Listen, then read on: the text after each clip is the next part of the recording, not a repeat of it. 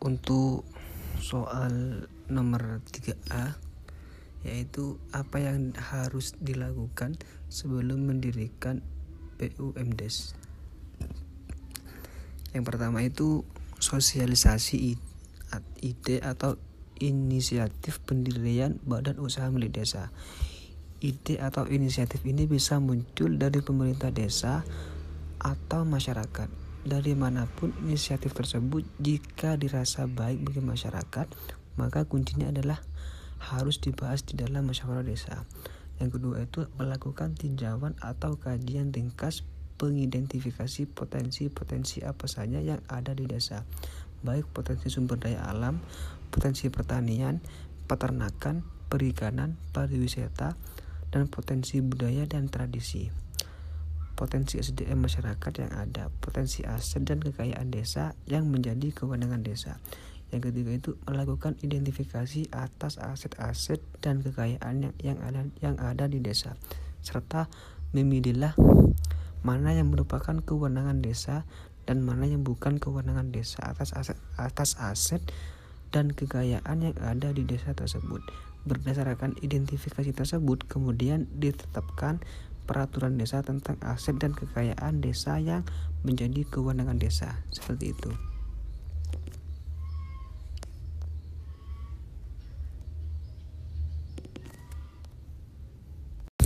Untuk soal nomor 2B yaitu jelaskan prosedur mendirikan BUMDes menurut PP nomor 11 tahun 2021.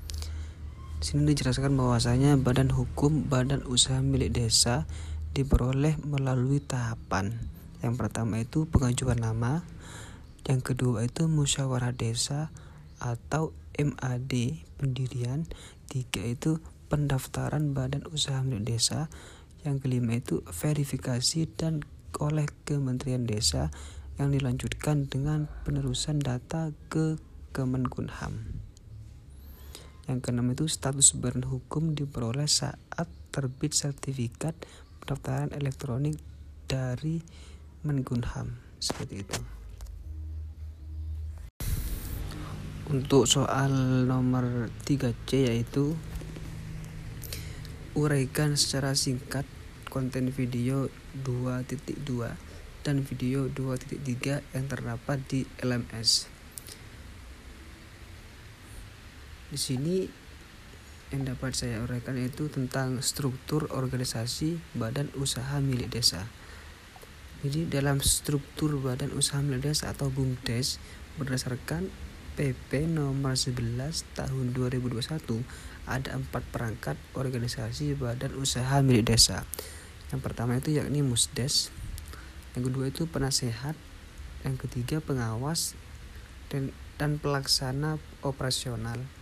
Nah itu untuk pelaksana operasional atau yang disebut dengan direktur BUMDes akan dibantu oleh sekretaris dan bendahara dalam melaksanakan tugas dan wewenangnya. Seperti itu dan untuk video no 2.3 itu yaitu tugas tugas dan tanggung jawab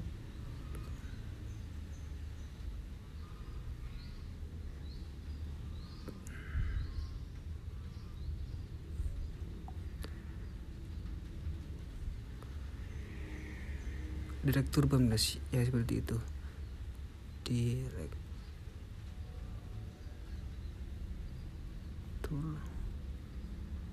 BUMDes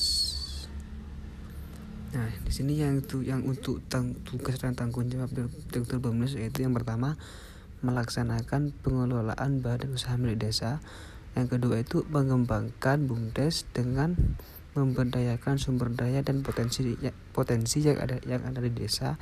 Yang ketiga itu membangun kemitraan dengan lembaga desa lain. Yang keempat itu menyusun rencana kerja dan rencana anggaran tahunan bersama pemerintah desa. Dan yang kelima itu menyampaikan laporan pertanggungjawaban setiap akhir bulan. Seperti itu.